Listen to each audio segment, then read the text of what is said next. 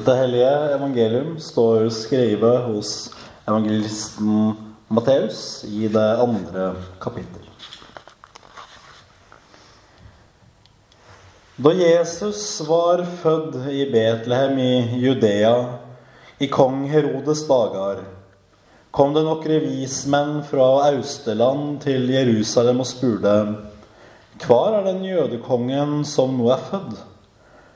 Vi så stjerna hans gå opp, og nå er vi komne og vil hylle han.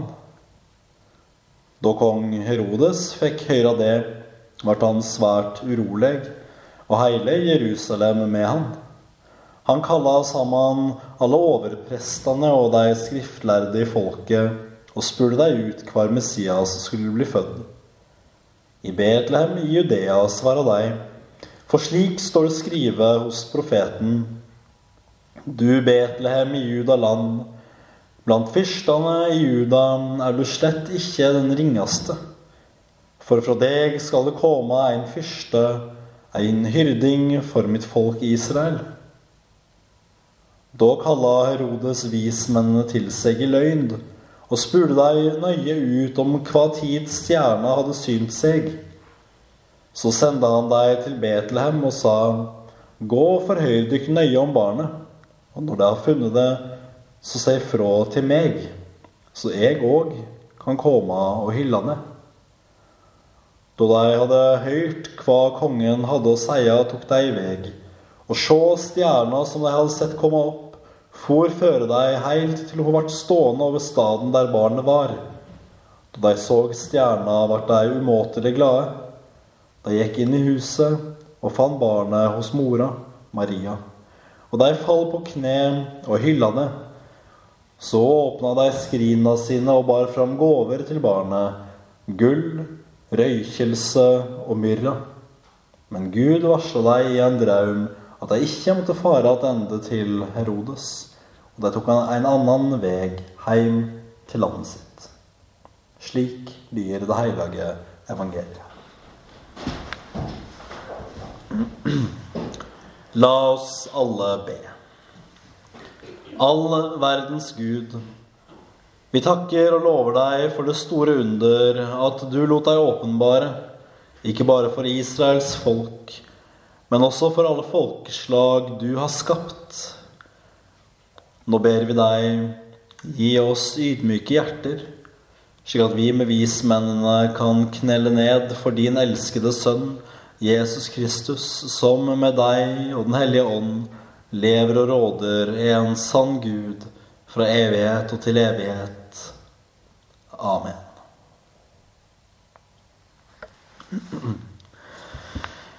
Jeg tror at de aller fleste av oss har et forhold til de tre vise menn. Ja, nå sier jeg tre vise menn. Rent teknisk sett så veit vi ikke hvor mange det er, eller var, for det står det ingenting om i Bibelen. Men eh, tradisjonen i vår kirke har jo sagt at det er tre vise menn grunnet antallet på gaver. Og uten å bruke for mye tid og hodebry, så har iallfall jeg i min enfoldighet akseptert at da kan det gjerne være tre vise menn.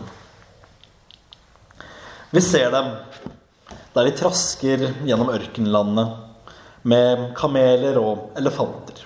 Fram mot krybben. Der vi ser dem knelende på peishyllen med skrin inneholdende dyre gaver. Da jeg var liten, så var det alltid noe ekstra spennende og mystisk over de tre vise menn. Jeg tror kanskje det var den mest spennende delen av julekrybben, disse tre menn med sine flotte kapper og turban, hvis jeg ikke husker helt feil. De representerer på mange måter et fremmedelement, noe annerledes inn i hele julefortellingen.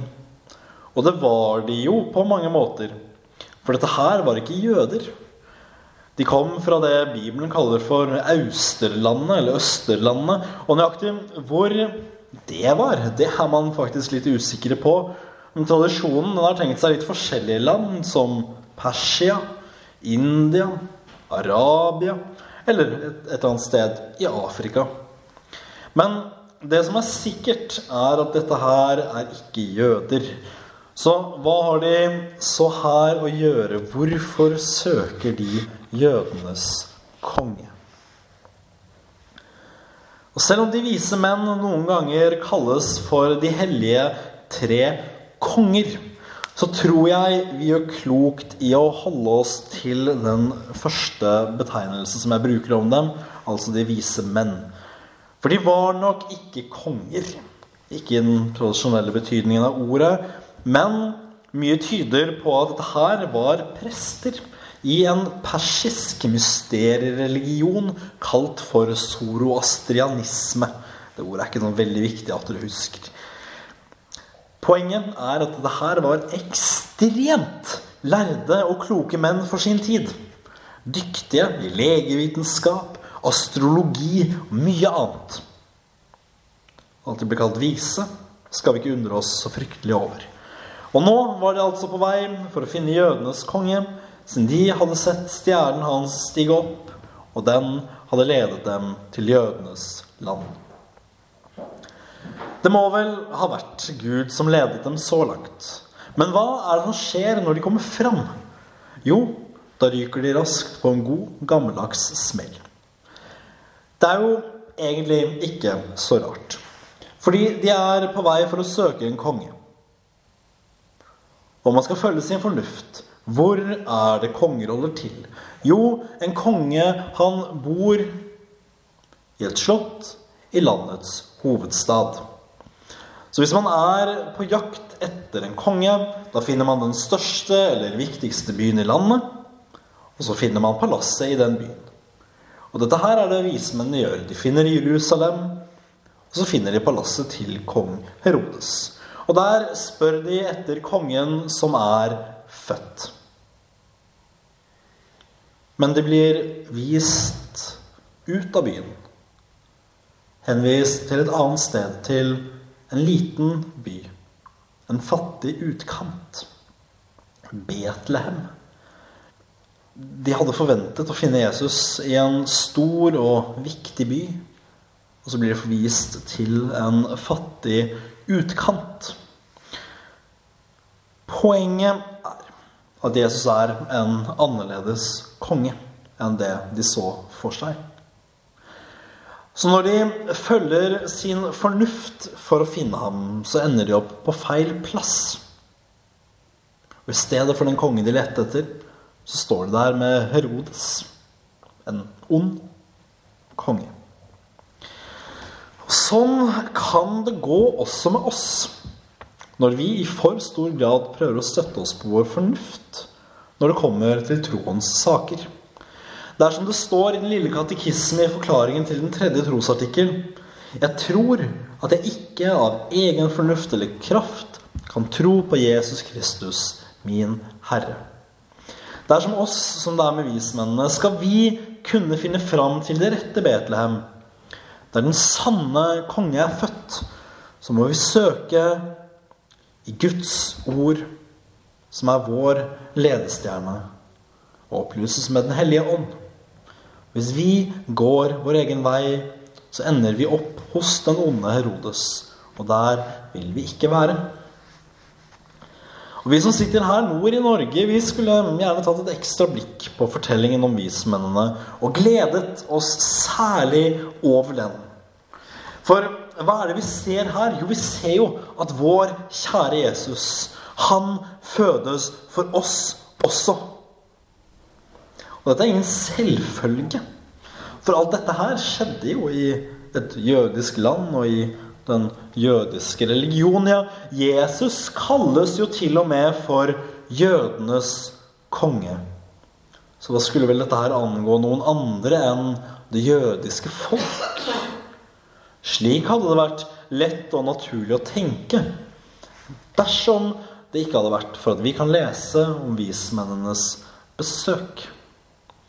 For det vi ser her, det er at det kommer mennesker fra flere verdenshjørner for å tilbe Jesus. Slik ser vi at han er en så stor konge som skal tilbes av alle folk. Og at hans lys er så stort og herlig at det skal skinne ut i hele verdens mørke. Jesus er ikke, ser vi, en konge bare for jødefolket når det kommer ikke-jøder for å tilbe ham.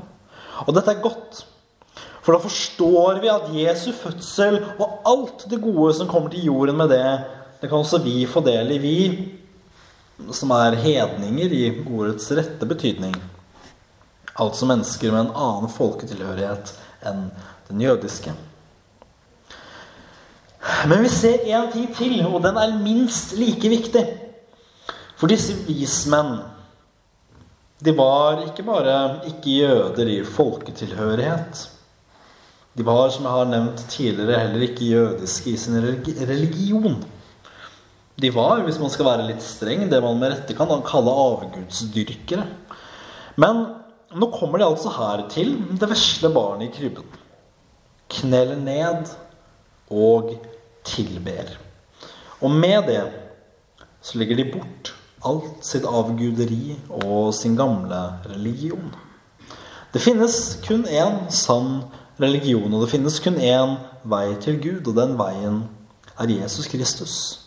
Det betyr at all religion som ikke er den kristne, er da teknisk sett avgudsdyrkelse og må forlates til fordel for tilbedelse av Guds egen enbårne sønn.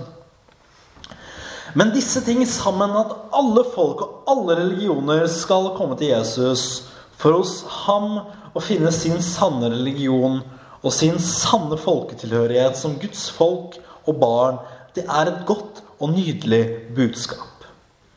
For her ser vi sprengkraften og rekkevidden i evangeliet. Som alt dette tross alt handler om. Evangeliet skulle ikke bare være noe lite og lokalt for spesielt interesserte. Nei, det skulle være og er noe mye større. For syndens og ondskapens mørke, det lå tett over hele verden. Og det som skjer her, er stort. Fordi nå forkynnes noe helt nytt. For alle mennesker. At Gud er oss mennesker nådig. Og at han for Jesu Kristi skyld vil forlate oss alle våre synder. Dette er en ny forkynnelse som verden aldri før har sett eller hørt maken til. Dette er et godt budskap for alle mennesker. Men denne forkynnelsen den vet vi at verden hater. Og det ser vi også i Herodes reaksjon på Jesu fødsel. Han ser en konkurrent.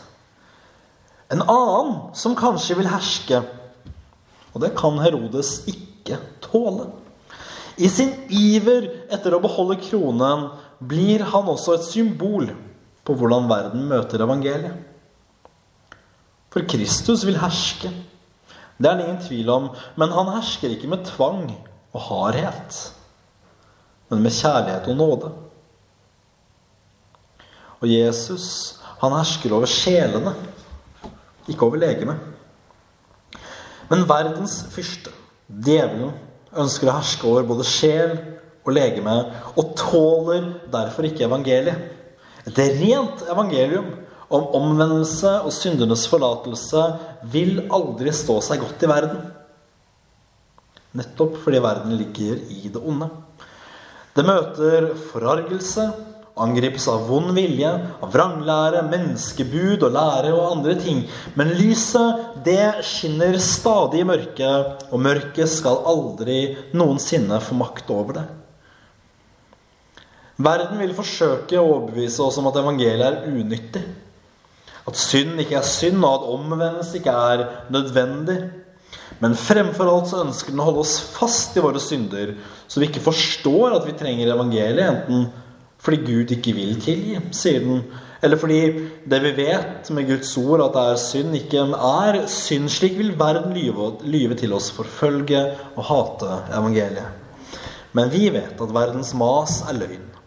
At Gud en gang for alle har sendt sin sønn til oss alene av kjærlighet og nåde for å frelse oss i det han gir oss syndens forlatelse og evig liv ved troen på Jesus Kristus. Så kommer vi også i troen fram for Jesus og kneler ned som de vise menn med hva vi har å tilby. Og det er jo ikke mye, men det er nok. Vi gir Jesus det vi har, og det er troen. Og denne troen har vi heller ikke av oss selv, men den er, men den er det Gud som har gitt oss. Og Gud være takk for det, for fordi hvordan skulle vi kunne tatt med noe som var godt nok å gi Herren selv? Men vi kommer med tomme hender. Og det eneste vi har å gi, er vår tro. For å ha noe i Jesus må vi få det fra Gud selv. Og det, det har han gitt oss i troen. Den tro som får oss til å søke Jesus der vi vet at han er å finne. I Guds ord og i nattverdens sakrament. Der vi ofte, noen ganger ikke i dag, kneler og i sannhet møter Han som er født for oss. Gull, røkelse og myra. Kostbare, timelige gaver og absolutt nyttige for den fattige familie. Totalt verdiløse som offer. For Gud selv er offeret. Og når vi kommer til ham i tro, så tar han imot oss, om vi så er de rikeste fyrster og vismenn, eller om vi er de fattigste stakkarer. For Guds øyne så er vi alle like. Våre synder er talløse. Men mot oss alle er Gud like nådig. At ved troen tilgir han oss alle våre synder.